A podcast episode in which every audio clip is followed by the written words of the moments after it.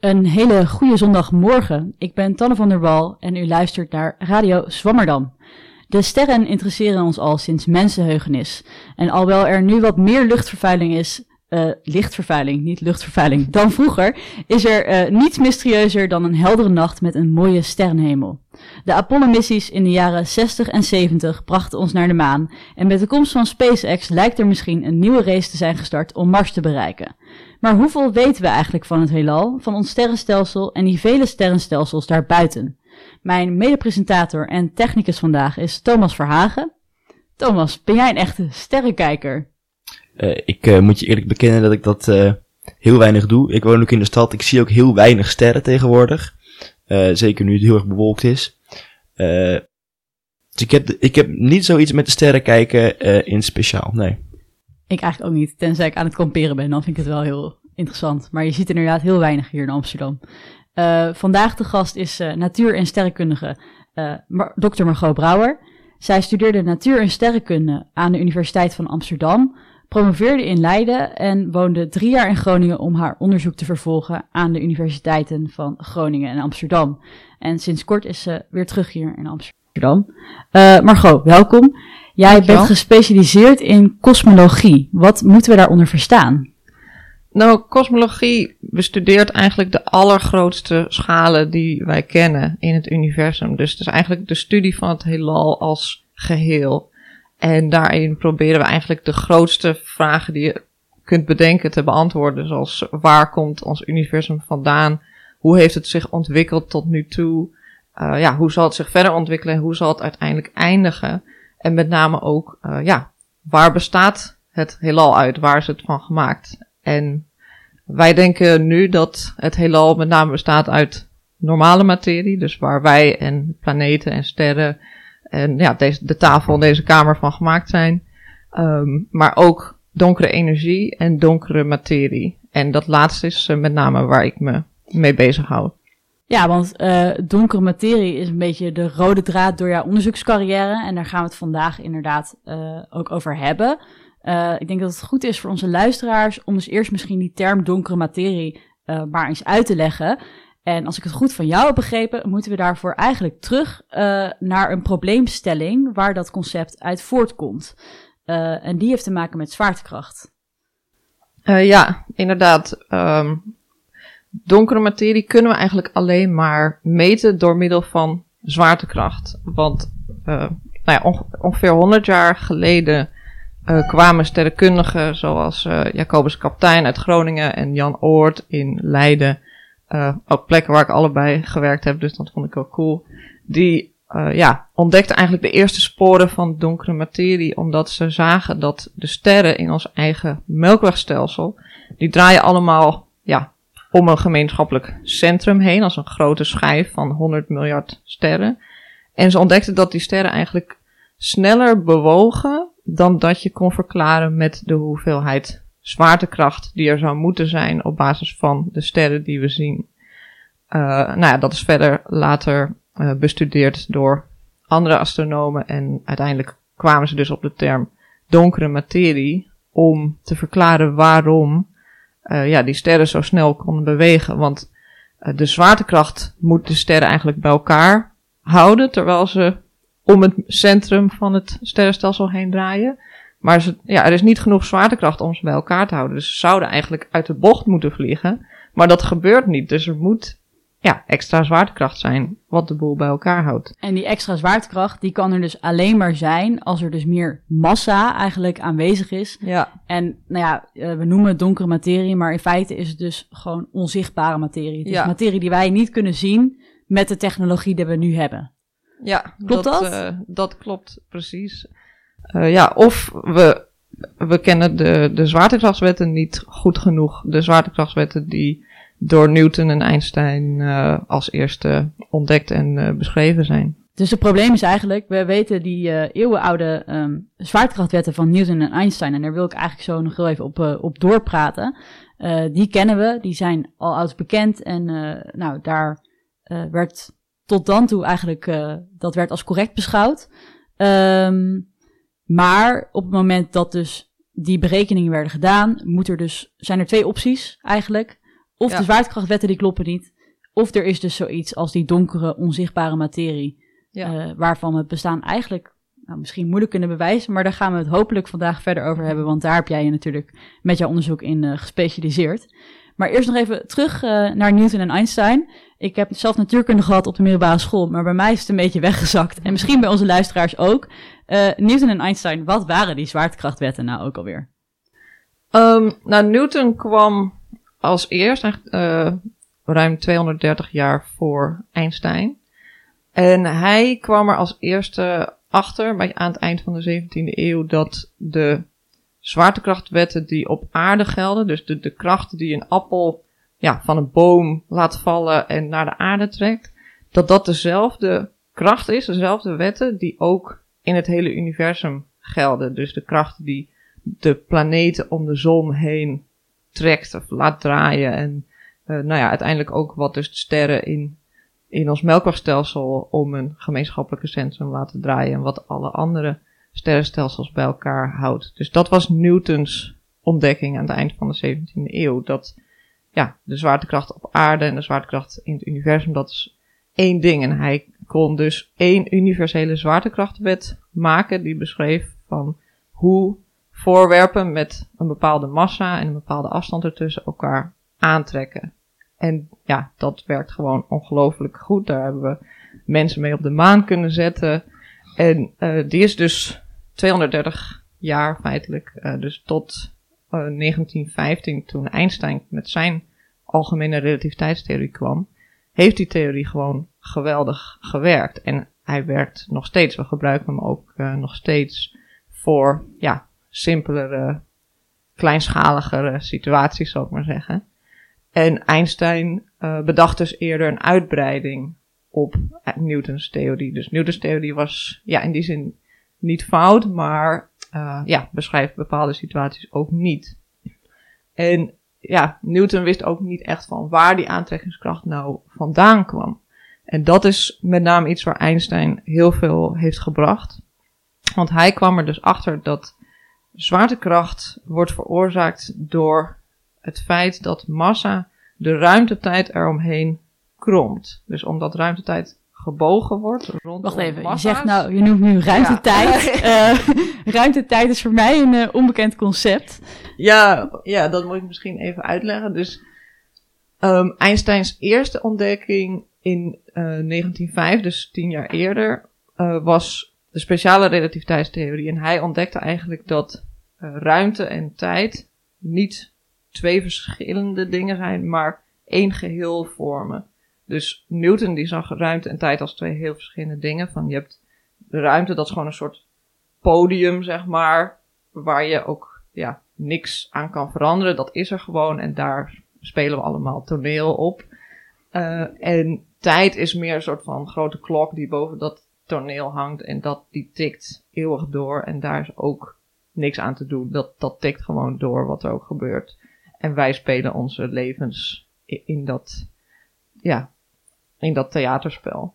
En wat Einstein toen heeft ontdekt is dat ja, het universum eigenlijk niet zo werkt. Dat eh, ruimte en tijd allebei dimensies zijn. Dus je hebt de driedimensionale ruimte en dan de vierde dimensie van tijd. En die zijn eigenlijk met elkaar verbonden in een vierdimensionale ruimtetijd. Ehm, en die ruimtetijd die kan ook nog eens, ja, die is niet statisch, maar die kan ehm, ja, worden gebogen en veranderd door materie en energie die zich daarin bevindt. Dus die heeft eigenlijk een bepaald soort interactie met de materie die erin zit. En dat is wat uiteindelijk zwaartekracht veroorzaakt. En, wat en dat is dus de, de, de theorie, de algemene theorie Ja, eh, van de, van- van, de relativiteit. van de relativiteit, waar Einstein dus in eh, 1915 eh, mee kwam. Eh, dit was ongeveer ten tijde van de Eerste Wereldoorlog. En eh, hij heeft toen samen met een eh, Engelse wetenschapper, Eddington, die hebben eigenlijk samen gekeken, kunnen we dat alsnog eh, bewijzen. Ja, Eh, en daar hebben we een kort fragment uit. En dit is een nagespeeld fragment uit, eh, uit een film. En daar gaan we even kort eh, naar luisteren. For what we are about to receive, may the Lord make us truly thankful. Amen. Amen. It's called general relativity. It's a theory of gravity and everything. He's done it. Let me just, sorry, let me just show you. What are you doing? Have you gone mad? Dice on the other end.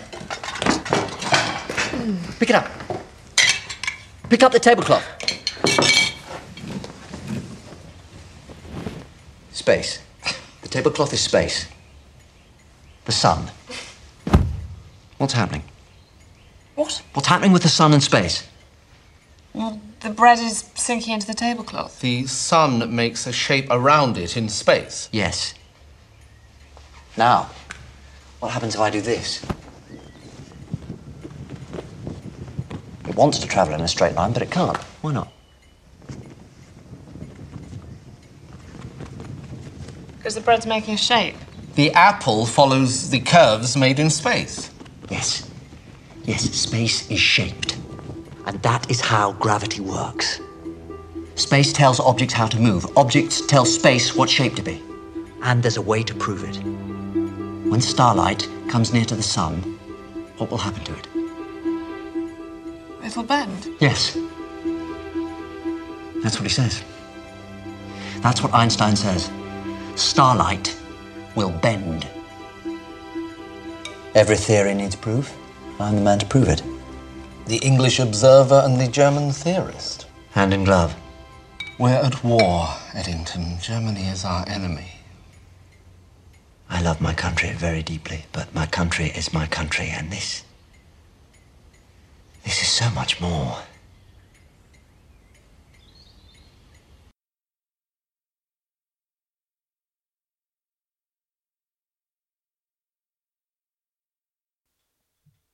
Ja, en eh, hier hoorden we in dit fragment eh, dus Eddington, ehm, die het had over eh, Einstein zijn theorie, waarin ze dus een tafelkleed pakte en wat we zagen, of in ieder geval wij zagen dat, jullie niet, jullie hoorden het, er werd een tafelkleed omhoog gehouden, daar werd een brood op gegooid en dat vervormde dus inderdaad de ruimte daaromheen. Margot, die theorie klopt dus nog? Ja, uh, dat is de theorie die we nu op dit moment hebben. Dus dat, uh, ja, ik kan die film trouwens heel erg aanraden. Het heet Einstein en Eddington. En Einstein die, ja, bedacht dus een algemene relativiteitstheorie en Eddington die ging dat testen. Um, door middel van een zonsverduistering. want dan, tijdens zonsverduistering, ja, wordt, schuift de maan voor de zon en kun je de sterren om de zon heen zien. En hij kon dus zien hoe het licht van de sterren uh, gebogen werd door de zwaartekracht van de zon. En dat is ook ja, de methode die ik gebruik in mijn onderzoek. Niet met de zon, maar dan met uh, hoe licht wordt gebogen door hele sterrenstelsels. En uh, ja, dat is dus hoe Einsteins theorie ons kan helpen om zwaartekracht daadwerkelijk waar te nemen en ook om onzichtbare, ja, donkere materie, om de zwaartekracht daarvan waar te nemen. En dat is dus de theorie die we nog steeds gebruiken om dit onderzoek te doen. Um, er zijn dus ook, ja, natuurkundigen die denken van, nou oké, okay, donkere materie, ja, dat bestaat helemaal niet als echt spul. Uh, en die denken dus dat we Einsteins zwaartekracht aan moeten passen om de zwaartekracht op hele grote schalen te beschrijven, zodat we van die donkere materie af kunnen, maar dat we het gewoon met de, no met, ja, met de normale regels, met de norma nieuwe zwaartekrachtregels kunnen verklaren. En de eerste die met zo'n theorie kwam was uh, Milgram. Uh, en hij, ja, in de jaren tachtig um, bedacht hij zijn Modified Newtonian Dynamics. Dus daar komt weer Newton uh, aan te pas. Maar hij paste dus Newtons theorie aan om de donkere materie, of in ieder geval om de snellere rotatie van sterrenstelsels te verklaren. En nou ja, dat lukt redelijk. Maar ja, als je dan gaat kijken naar grotere schalen, dan kom je eigenlijk steeds weer in de problemen. Um, en uiteindelijk in 2016 kwam Erik Verlinde, uh, professor aan de Universiteit van Amsterdam, met een nieuwe theorie van emergente zwaartekracht. En hij ging dus, ja, een beetje net zoals Einstein probeerde hij dieper door te dringen in waar komt zwaartekracht nou uiteindelijk vandaan. Ehm, en Verlinde denkt dus dat zwaartekracht niet een soort fundamentele natuurkracht is, maar dat het ja, emergent is. En dat wil zeggen dat het pas ontstaat op grotere schalen, maar dat het er op de kwantumschalen, de allerkleinste schalen, er eigenlijk niet is. Net zoals dat je nou bijvoorbeeld een kop thee hebt en je weet van, nou ja, de warmte in die thee bestaat eigenlijk niet echt. Het zijn gewoon de moleculen in de thee die heel snel aan het bewegen zijn. Dus op kleine schaal heb je eigenlijk alleen de snelheden van die moleculen. Maar op het moment dat je uitzoomt, dan krijgt dat het eff gezamenlijke effect van warmte. En Verlinde denkt dus dat zwaartekracht op ongeveer dezelfde manier werkt. En dan je dus een andere zwaartekracht misschien hebben op zo'n groter level van een heelal in die Ja. zin.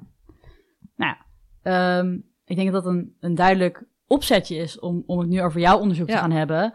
Eh, want we hebben dus die huidige zwaartekrachtwetten zoals ze staan. Daar hebben we het nu net over gehad. Newton en Einstein.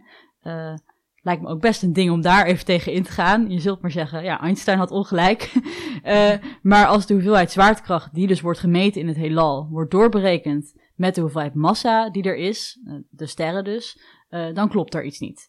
En Hm. nou ja, dan zijn er dus twee opties. Die Einstein en Newton die hadden ongelijk. En daar komen dus bij de theorie van onder andere Erik Verlinde uit. Eh, of er is dus die donkere materie aanwezig. En jouw onderzoek ehm, ging in op het bestaan van die donkere materie. Ehm, maar hoe vergaar je nou data eh, in het heelal wat zo immens groot is en zo ver weg van ons staat? Ja, we kunnen tot de maan, maar eh, we kunnen niet dat hele heelal invliegen om maar eens te kijken hoe het, en te meten hoe het daar staat. Hoe vergaar je data om een antwoord op zo'n grote vraag te geven? Nou, daar gebruiken we telescopen voor en die verzamelen ja, licht uit het universum. Eh, de telescoop die ik gebruikte was de Very Large Survey Telescope. Eh, ik ben daar zelf nog nooit geweest helaas, maar die staat in Chili op een hele hoge berg. En die fotografeert daar al tien jaar lang de hemel. En het project eh, dat ja, dat dat mogelijk maakt, heet de Kilo Degree Survey. Eh, kilo staat natuurlijk voor duizend. Dus duizend degree, duizend graden aan de hemel. Of eigenlijk vierkante graden, want een vierkante graad is een soort van oppervlaktemaat aan de hemel. Eh, om een vergelijking te geven, eh, het oppervlakte van de volle maan is 0,2 vierkante graden. En 1000 vierkante graden is dus een oppervlakte aan de hemel dat 5000 keer zo groot is als de oppervlakte van de volle maan. Dus echt, ja. Zoals wij dat van de aarde zien dus. Zoals, dat wij, zoals Ja. wij dat eh, van de aarde zien, inderdaad. Dus dan ja, neemt de volle maan dat dan 5000 keer. En dat is dan het oppervlakte wat wij aan de hemel zien met de Kilo Degree Survey. Ehm, en op die foto's staan allemaal sterrenstelsels. En ik kijk dus naar de, ja, heel nauwkeurig naar de vormen van die sterrenstelsels.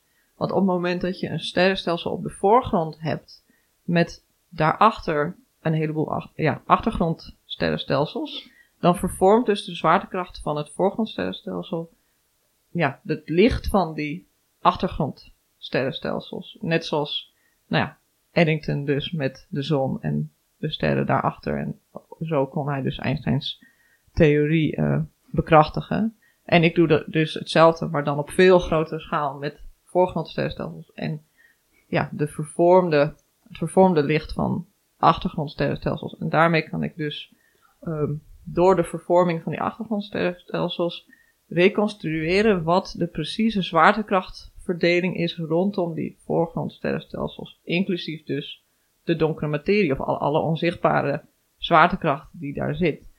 En dan leg ik die waarnemingen naast de theorie van Erik Verlinde, de theorie van Milgram en eh, de theorie van dat donkere materie uit deeltjes bestaat. En Ja, dus dan ja. om te berekenen of er donkere materie zit, dan pak je dus eigenlijk de bestaande wetten van Newton en Einstein.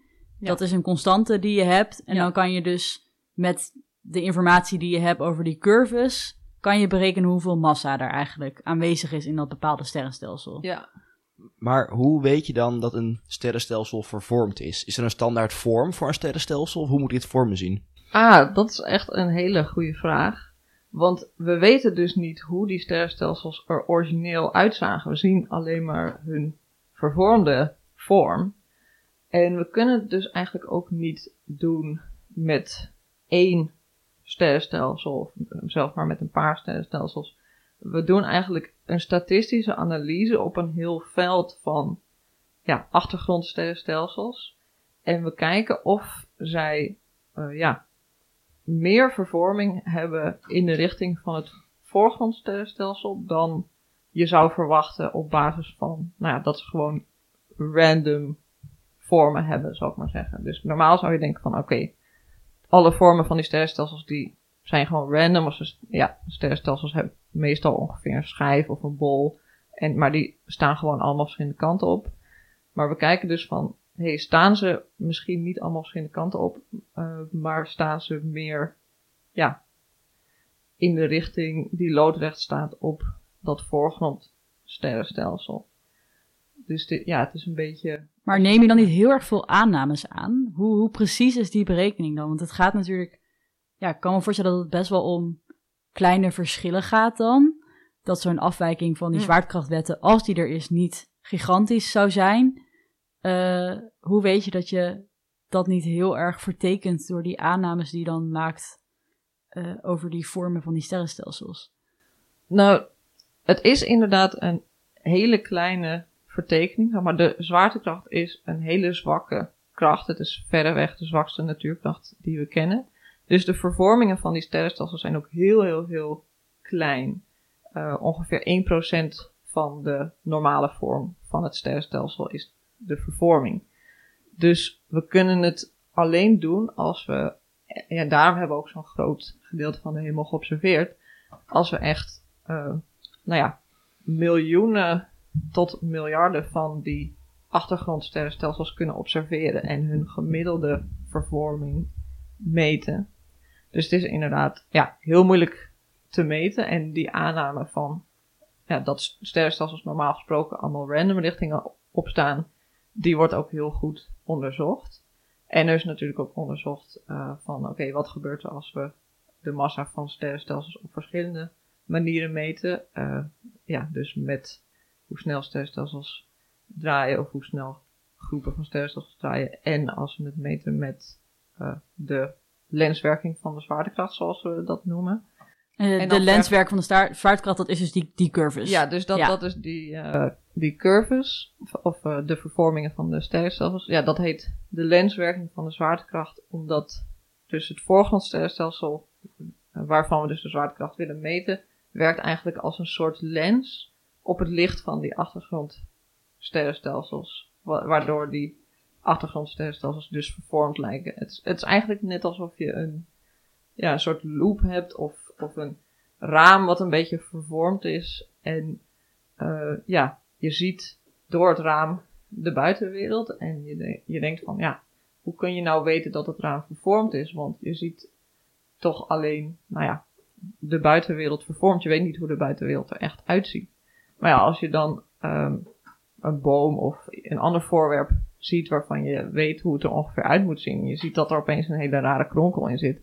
Ja, dan, dan weet je van, oh oké, okay, nee, het is niet dat er een rare kronkel uh, in de buitenwereld zit. Er, er zit een rare kronkel in het raam. En die rare kronkel is dus de zwaartekracht. De zwaartekracht. de zwaartekracht van, van een voorgrond uh, sterrenstelsel in dit geval hey, uh, hoe lang duurde het om die uh, data te vergaren? Hoe lang is zo'n telescoop bezig om, om zo'n uh, beeld te maken? Nou, de Kilo Degree Survey is meer dan tien jaar bezig geweest met deze waarnemingen. Maar dat is dus ja, echt een, een survey, dus dat wil zeggen een, echt een serie waarnemingen. dat je elke keer weer een stukje opschrijft en weer een nieuw stukje van de hemel pakt. En zo doorgaat en doorgaat totdat je een heel groot gedeelte van de hemel hebt geobserveerd. Dus het zijn allemaal kleine fotootjes die als het ware aan elkaar geplakt zitten. En dan komt daar een heel groot uh, beeld uit. Ja. Uh, nou, daar heb jij dus verschillende analyses uh, op gedaan. hou ons niet langer in spanning. Wat was het antwoord? bestond er inderdaad donkere materie of niet? Um, ja, we hebben dus inderdaad onze waarnemingen van dus ja, de eh, de zwaartekracht rondom sterrenstelsels door middel van die lenswerking van zwaartekracht vergeleken met die verschillende theorieën van Erik Verlindes theorie, uh, Mond en uh, verschillende donkere materie simulaties. Dus nou ja, simulaties die ervan uitgaan dat er donkere materie bestaat en um, ja, simuleert in de computer hoe dan uh, die donkere materie zich rondom sterrenstelsels moet vormen. Um, en daar kwam uit dat, ja, het was, het was best een avontuur. Want in eerste instantie hadden we dus gewoon uh, alle voorgrondstelsels, voorgrondsterrenstelsels die we hadden, daar hadden we het gemiddelde van genomen. Uh, dus, dus de gemiddelde zwaartekrachtsverdeling rondom al die voorgrondsterrenstelsels. Omdat, zoals ik zei, ja, dat effect gewoon zo klein is dat je van honderden, zo niet duizenden voorgrondsterrenstelsels dat effect moet meten. En um, ja, daar kwam eigenlijk uit dat zowel Erik Verlindes theorie als Mond als de donkere materie simulaties alle drie, maar ja, het redelijk goed deden. En nou ja, dat is natuurlijk in die zin teleurstellend, want je wilt net zoals Eddington dat je Newtons uh, voorspelling hebt en Einsteins voorspelling en dat je dan ja, naar zo'n zonsverduistering gaat en gaat meten en dat je dan één van de twee kunt uitsluiten en dat de ander klopt. Maar als ze alle drie kloppen, ja, dan heb je daar niet zoveel aan. Dus uh, wij dachten, oké, hoe kunnen we dit oplossen? Hoe kunnen we nog een nieuwe stap zetten om toch een verschil te zien? En we weten dat, ja, sterrenstelsels eigenlijk heel dynamische objecten zijn. En je hebt ook verschillende soorten sterrenstelsels. Zoals ik zei, uh, veel zijn schijfvormig en sommige zijn bolvormig. En de schijfvormige zijn jonger, want hoe meestal de bolvormige sterrenstelsels ontstaan, is dat schijfsterrenstelsels um, ja, om elkaar heen draaien of uh, aan elkaar gaan trekken of zelfs op elkaar botsen. En dat dan hun sterren eigenlijk helemaal door de war raken eh, zodat ze dan een, een bolvormig sterrenstelsel worden. Dus die bolvormige sterrenstelsels die zijn ouder en die, ja, die hebben wat, uh, wat meer uh, geworsteld, zeg maar, uh, in het leven dan, dan die jonge sterrenstelsels. En tijdens die, die worsteling tussen stelsels kan er ook bijvoorbeeld normale materie of donkere materie wegvliegen of wat dan ook. Dus je zou verwachten dat, um, ja, als donkere materie echt spul is, zeg maar, als het los bestaat van de normale materie, dan zou uh, het kunnen dat die oudere sterrenstelsels, dat de verhouding normale materie, donkere materie anders is dan van die jonge sterrenstelsels, omdat het gewoon ja, zo door elkaar gehusteld is en misschien wat is weggevlogen. Um, dus dat wilden we eigenlijk bekijken. Ja, want het probleem daaraan is, als er dus een verschil zit tussen die jonge en die oude sterrenstelsels, als ik het goed begrijp, is het probleem waar je dan misschien bij die analyse tegenaan liep, uh, dat je dat uitmiddelt. Dat als je dat op ja. één hoop gooit, dat je dan geen verschil meer ziet. Maar jullie zijn het toen los gaan bekijken. Ja, dus wij hebben onze uh, sterrenstelsels, de voorgrondsterrenstelsels die we hadden, en dat, dat waren echt duizenden en duizenden, dus dat was heel fijn. Die konden we uh, die twee groepen konden we uit elkaar trekken. De oude sterrenstelsels aan de ene kant en de jonge sterrenstelsels aan de andere kant. En zien of er een verschil is in de hoeveelheid donkere materie. En toen uh, ja, kwamen we erachter dat oude sterrenstelsels relatief meer donkere materie hebben dan, of ja, relatief meer extra zwaartekracht zou ik maar zeggen, dan jonge sterrenstelsels. En dat is heel interessant, omdat um, ja, de alternatieve zwaartekrachttheorieën, zou ik maar zeggen, uh, die ja, voorspellen dat er helemaal geen donkere materie is. Dus dat alleen de normale materie in het sterrenstelsel de extra zwaartekracht veroorzaakt. Dus dan verwacht je ook dat uh, de verhouding tussen de normale materie en de donkere materie voor alle sterrenstelsels hetzelfde is. Maar als dat voor tussen, ja, tussen jonge en oudere sterrenstelsels kan verschillen, dan is dat heel moeilijk te verklaren voor, uh, voor de alternatieve zwaartekrachttheorieën. En dat is dus ook wat we vonden in ons onderzoek, dat er een verschil is tussen de verhouding in donkere materie tussen de oude en de jonge sterrenstelsels. Dus dat dat maakt het lastig voor eh, de alternatieve zwaartekracht. Ja, dus dat wil eigenlijk zeggen dat je in die zin de theorie van Verlinde dan misschien weer legt zou zijn op basis van dit onderzoek. Nou ja, als dit. En er nou, zijn natuurlijk een heleboel maden, want je wilt altijd echt zeker, zeker, zeker weten. Als het verschil ehm, echt is tussen uh, ja, de oude sterrenstelsels en de jonge sterrenstelsels, als, als dat wat wij hebben gemeten ja, echt overeenkomt met de werkelijkheid, dan uh, is dat voor Erik Verlinde's theorie in de huidige vorm moeilijk te verklaren.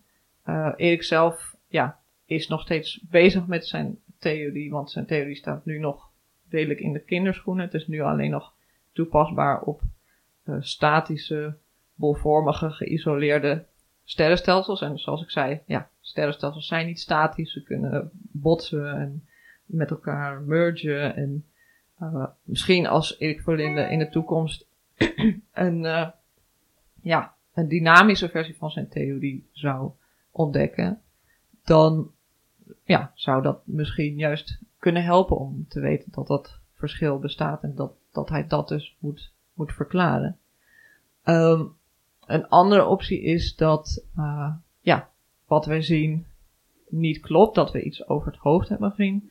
En we hebben natuurlijk heel erg gekeken van, ja, wat kunnen we over het hoofd hebben gezien? Wat zou dit nog meer kunnen verklaren? Want je wil echt alles uitsluiten. In, net zoals in, in elk wetenschappelijk vakgebied. En um, ja, het voor ons voornaamste probleem is dat we uh, een bepaalde component van de normale materie heel moeilijk kunnen meten. En die component is heet gas. Dus we weten dat uh, veel sterrenstelsels, met name oudere sterrenstelsels, uh, hebben veel heet gas. En heet gas uh, kun je alleen maar meten in röntgenstraling. En röntgenstraling komt niet, gelukkig niet door de dampkring heen. En daarvoor heb je dus uh, ja, satelliettelescopen nodig om dat waar te nemen. En wij ja, hebben met de Very Large Survey Telescope geobserveerd en die staat op aarde. Dus, uh, nou ja, we hebben gekeken van zou het kunnen komen door het hete gas dat we niet hebben kunnen observeren, dat, er, dat we dat verschil zien tussen de oude sterrenstelsels en de jonge sterrenstelsels. En het kan dus inderdaad als oude sterrenstelsels heel veel heet gas hebben, dus evenveel als de sterren, en jonge sterrenstelsels helemaal geen heet gas, dus echt ja, nul heet gas eigenlijk, dan kan dat ook dat verschil. Maar dan moet het wel een heel groot verschil het, zijn. Ja, moet het echt uh, best een, een groot en vrij specifiek verschil zijn tussen. Gaan jullie dat nog meten? Um, ja, Want je wij, zegt het kan dus wel, maar daar heb je dus een speciale satelliettelescoop voor nodig. Ja, dus wij zelf um, ja, kunnen dat dus niet meten, omdat uh, we, ja, we hebben, zoals gezegd, uh, die telescoop op aarde. Er zijn uh, satelliettelescopen, zoals bijvoorbeeld uh, Erosita, een Duitse telescoop, die in 2019 uh, is gelanceerd, die wel röntgenstraling kan meten. Dus daar, ja, als daar op een gegeven moment waarnemingen van binnenkomen die wij ook mogen gebruiken, dan, dan zou dat interessant zijn. Um, ja. Dus voorlopig is het antwoord, als ik het begrijp, dat donkere materie bestaat. Uh, maar we kunnen het nog steeds niet zien. Uh, wat ik me dan afvraag, want als ik dat zeg maar in mijn hoofd heb, die donkere materie, als we het er zo over hebben, als je het niet kan zien en je ziet andere dingen die er zijn wel, zie je dan op de plekken waar die donkere materie is gewoon niks? Zeg maar, kan je het dan niet observeren als leegte? Of ja, de donkere materie is dus, tenminste als je uitgaat van het feit dat het deeltjes zijn, is onzichtbaar spul. Maar het moet wel plek innemen. Als het zeg maar iets is, dan moet het wel, ja, een plaats in die ruimte innemen. Dus zou je het dan niet als gaten kunnen um, observeren? Ja, ik begrijp wat je bedoelt, maar dat is dus ook het probleem van donkere materie, dat het eigenlijk geen plek inneemt. In de zin dat het, uh, nou ja, als donkere materie bestaat, dan weten we dat, ja, dat we het eigenlijk op geen enkele manier kunnen observeren, behalve via zwaartekracht. Want als het wel zo was, dan hadden we het al geobserveerd. Dus de huidige theorie is dat donkere materie ja, een soort heel klein, heel ijl deeltje is dat overal doorheen kan bewegen, dat ook gewoon dwars door de aarde kan bewegen zonder dat het zich daar iets van aantrekt. En de truc is dus om dat ja, hele ijle deeltje dat eigenlijk nergens mee reageert en overal dwars doorheen gaat, dat als donkere materie bestaat, dan gaat het gewoon ook nu dwars door ons heen op dit moment. Ja, dat, dat moeten mensen observeren en daarom... Een soort stof dus eigenlijk, Ja. wat veel te klein is om te kunnen zien. Ja, erger dan stof. Want ja, stof, dat inderdaad, dat, dat plak, gaat nog aan je tafel plakken of dat, dat reageert ergens mee. Maar ja, donkere materie gaat overal gewoon dwars doorheen. Het is ja, meer als, als een soort neutrino's. Ik weet niet of je gehoord hebt van neutrino's, maar dat is ook een soort van ja, deeltje dat overal dwars doorheen gaat. En daarom hebben ze ook ehm, ja, o- eh, observatie-installaties diep onder de aarde, onder zeg maar grote bergen en rospartijen, om daar zoveel mogelijk alle andere deeltjes uit te sluiten en dan met een enorme tank xenon eh, donkere materie te proberen te vangen, omdat daar verder geen enkel ander deeltje kan komen, omdat het gewoon helemaal geïsoleerd is met kilometers steen. En dan hopen ze dat donkere materie, alleen donkere materie daar doorheen kan komen. En dan in zo'n tank xenon misschien hopelijk één keer in de, in de zoveel jaar kan reageren met zo'n eh xenonatoom.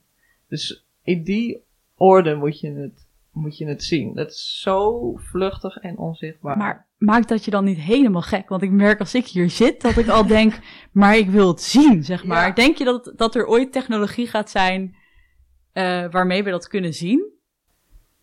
Ja, dat is heel moeilijk te zeggen, want ze zijn dus al tientallen jaren bezig met dat soort experimenten onder de grond. En eh, ook telescopen die proberen om ehm, ja, de reactie van donkere materie in het heelal eh, te observeren. Dus als twee donkere materiedeeltjes op elkaar botsen, dan zouden ze misschien een foton of een ander deeltje kunnen maken, wat we dan met een telescoop weer kunnen observeren. Als we dat zouden zien, dan, dan zou dat ook al een indirect bewijs zijn.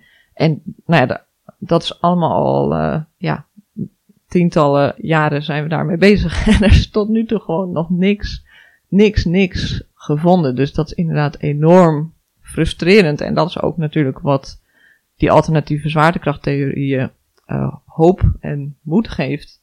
Ondanks het feit dat, nou ja, eh, observaties zoals de mijnen of observaties zoals eh, de bullet cluster, waar je botsende eh, groepen sterrenstelsels ziet, waar je wel vrij duidelijk kunt zien van oké, die extra zwaartekracht en die normale materie, die hebben een, op een bepaalde manier een eigen gedrag. Dus de bullet cluster zijn twee groepen van sterrenstelsels die botsen en dan zie je dat de extra zwaartekracht, en dat is dan ook eh, geobserveerd met dus die lenswerking van de zwaartekracht die ik ook gebruik. Dan zie je gewoon dat die extra zwaartekracht op een andere plek is dan waar de normale materie zit. Dat het zeg maar door die botsing uit elkaar gerukt is.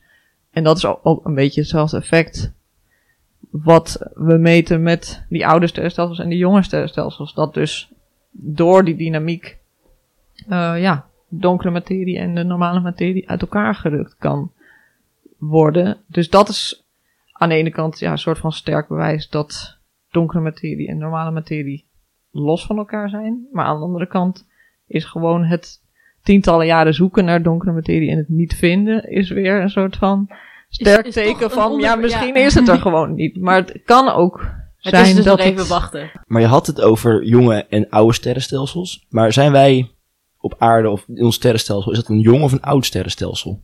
Eh, onze is een, een jong, ja, relatief jong sterrenstelsel. Eh, wa- want ons sterrenstelsel heeft ook nog zijn schijfvorm, zeg maar. De Melkweg, ja, is een soort schijf met spiraalarmen. Dus dat is nog gewoon een heel mooi geconserveerd, exemplaar. Eh, maar je hebt de, de Andromeda-nevel, of eh, Andro- Andromeda-sterrenstelsel. En ons sterrenstelsel en Andromeda zullen uiteindelijk eh na, mil- na miljarden jaren op elkaar botsen. En dan, eh, nou ja, zal ons sterrenstelsel misschien ook in zo'n uh, bolvormig sterrenstelsel veranderen in één klont met Andromeda. Maar is er niet een mogelijke reden waarom wij geen ja, donkere materie kunnen aantonen, omdat we nog een jong sterrenstelsel zijn? Ik bedoelde meer van uh, met die, die xenon-tank in de aarde hier. Oh, dat er niet. Uh... Hoe, ja, is, waarom is er een reden om aan te nemen dat wij ook in ons sterrenstelsel donkere materie hebben? Um, ja, ons, ons sterrenstelsel heeft ook donkere materie. Uh, nou ja, ten eerste omdat de eerste observaties van donkere materie waren eigenlijk in ons eigen sterrenstelsel. Omdat dus uh, kaptein en Oort uh, de sterren in ons sterrenstelsel sneller zagen bewegen. En ja, omdat eigenlijk alle sterrenstelsels die we tot nu toe in het heelal zien, en we zien er miljoenen, ja, die hebben eigenlijk allemaal donkere materie. Uh, er zijn dan nu recent een paar hele zeldzame exemplaren gevonden waarvan we denken dat ze misschien uh, geen donkere materie hebben, maar eigenlijk hebben alle sterrenstelsels donkere materie. Ja, en uh, met die uitspraak wil ik graag naar de column van vandaag. En die is geschreven door Sebbe. En daar gaan we nu naar luisteren. Toen ik hoorde wat het onderwerp van deze aflevering zou zijn, gleden mijn gedachten meteen terug naar mijn 15-jarige ik. Naar donkere nachten met vrienden op een bankje in het Vondelpark, rillend van de kou. Op die leeftijd moest je er wat voor over hebben om stiekem een jointje te roken. Het was afzien. Met bevroren vingers en trillende handen probeerde je hem aan te steken en aan het eind van de avond had je brandgaten in allebei je handschoenen. Thuis, in bed, had je last van een stijve nek. Want op dat bankje in het Vondelpark, in de vrieskou, hadden we weer eens allemaal naar de hemel gekeken. En ons verwonderd. Tegenwoordig komt die verwondering niet meer tegen zo'n hoge prijs. Je zet gewoon Radio Swammerdam op in je geriefelijke warme studentenkamertje. Of je nodigt Margot Brouwer uit voor je bedrijfsconferentie. Verwondering gegarandeerd. Wat is de aard van de realiteit? Waarom is mijn perceptie van het universum zoals het is? Waarom besta ik, terwijl de geschiedenis ook heel anders had kunnen lopen? Het zijn de vragen waar mijn vrienden en ik ons mee bezig hielden op dat bankje in het Vondelpark. Helaas hebben we onze toenmalige vrije tijdsbesteding niet kunnen doorzetten in studies die daar ook maar iets mee te maken hebben. Toch ben ik nu te horen in een radio-uitzending over het heelal en donkere materie. Wie had gedacht dat de geschiedenis zo zou lopen? Ik ben er in ieder geval trots op om met Margot Brouwer in een uitzending te zitten. Want hoe bizar is het eigenlijk om je dag in, dag uit bezig te houden met materie die buiten ons eigen sterrenstelsel ligt? Ik vind het zelf al een opgave om me bezig te houden met materie die buiten mijn sociale bubbel ligt. En volgens mij ben ik niet de enige. Natuurlijk zijn er allerlei reële problemen waar wij mensen ons druk over moeten maken, maar ik denk dat we er te veel op focussen op dat wat zichtbaar is en in onze directe invloedssfeer ligt. De oplossingen liggen niet in het eenmalig terugstorten van 30.000 euro, een keer een diversiteitsdag organiseren op het werk of gratis douchewekkers uitdelen. Echte verandering ontstaat pas als we ons richten op de onzichtbare krachten die ons beïnvloeden. Op de materie die we niet kunnen zien, maar onderdeel zijn van de oneindige constellatie die zichzelf in stand houdt. Want als wat we dachten te weten niet werkt, moeten we werken aan wat we niet weten. Daarvoor is verwondering een essentiële kracht. Want zonder verwondering, zonder nieuwsgierigheid, zonder honger naar het onbekende, ontstaat er niets nieuws. En daarom ben ik blij dat Radio Swammerdam bestaat, dat Margot Brouwer bestaat en dat ik niet bij een temperatuur van rond het vriespunt in het Vondelpark hoef te zitten om me te verwonderen. Ja, en dat was de uh, mooie column van uh, Sebbe Pol. Sebbe was dus uh, blijkbaar wel een sterrenkijker, Thomas. um, en Sebbe stipte eigenlijk aan waar ik het inderdaad ja, nu als volgende over wilde hebben. Ehm, want in hoeverre kan je de natuurkunde, zoals jij onderzoek doet in toch wel vrij theoretische natuurkunde misschien, lostrekken van die filosofische gedachten? Want hij zegt het inderdaad al, je bent bezig met iets wat op zo'n andere schaal ligt, zo ver weg van ons, um, ja, ga je dan automatisch daar heel filosofisch over nadenken? eh, ja, je, je zou haast kunnen zeggen dat het andersom was, zeg maar. Dat ik van kinds af aan al heel filosofische vragen stelde. En dat ik daarom natuurkunde en sterrenkunde ben gaan studeren. En daar er eigenlijk achter kwam dat het universum nog zoveel wonderlijker is dan ik van tevoren al had gedacht. Uh, ja, dat ik nu weet dat bijvoorbeeld onze zon één ster is in een sterrenstelsel van 100 miljard sterren. En dat ons sterrenstelsel, onze Melkweg, weer één sterrenstelsel is van honderden miljarden andere sterrenstelsels in ons universum. Dus dat onze zon eigenlijk, ja, één zandkorrel is van alle, zand, alle stranden van de wereld. Ja, dan, dan voel je gewoon zo nietig. En dan ga je inderdaad nadenken van, wat, wat betekent mijn aardse bestaan in zo'n gigantisch universum? En dan ga je dingen zien vanuit een heel ander perspectief. Uh, ja, waar ze hebben het ook heel mooi over had. Van wat betekent het dan nog de verschillen tussen mensen? Wat betekent het dan nog dat de een man is en de ander vrouw en de ander zwart en de ander een goede baan heeft? En nou ja, dat voor mij valt dat dan gewoon weg onder onze gemeenschappelijke menselijkheid en onze piepkleine planeet waar we met z'n allen moeten wonen. En ja, dat, dat kan ik eigenlijk bijna niet lostrekken van elkaar. Want filosofie is ook uh, naast natuurkunde een van jouw andere passies. Uh, en als ik het goed begrijp, ben je op het moment niet meer bezig met sterrenkunde, uh, maar meer met filosofie. kan je daar iets meer over vertellen? Ja, ik ben inderdaad met een nieuw project begonnen, wat niet, nou ja, direct te maken heeft met natuurkundig wetenschappelijk onderzoek, maar meer met een filosofisch onderzoek. ik ben een boek aan het schrijven. Um, ja, de werktitel is nu God ofwel het multiversum. wat, en dat is afgeleid van een uitspraak van Baruch Spinoza.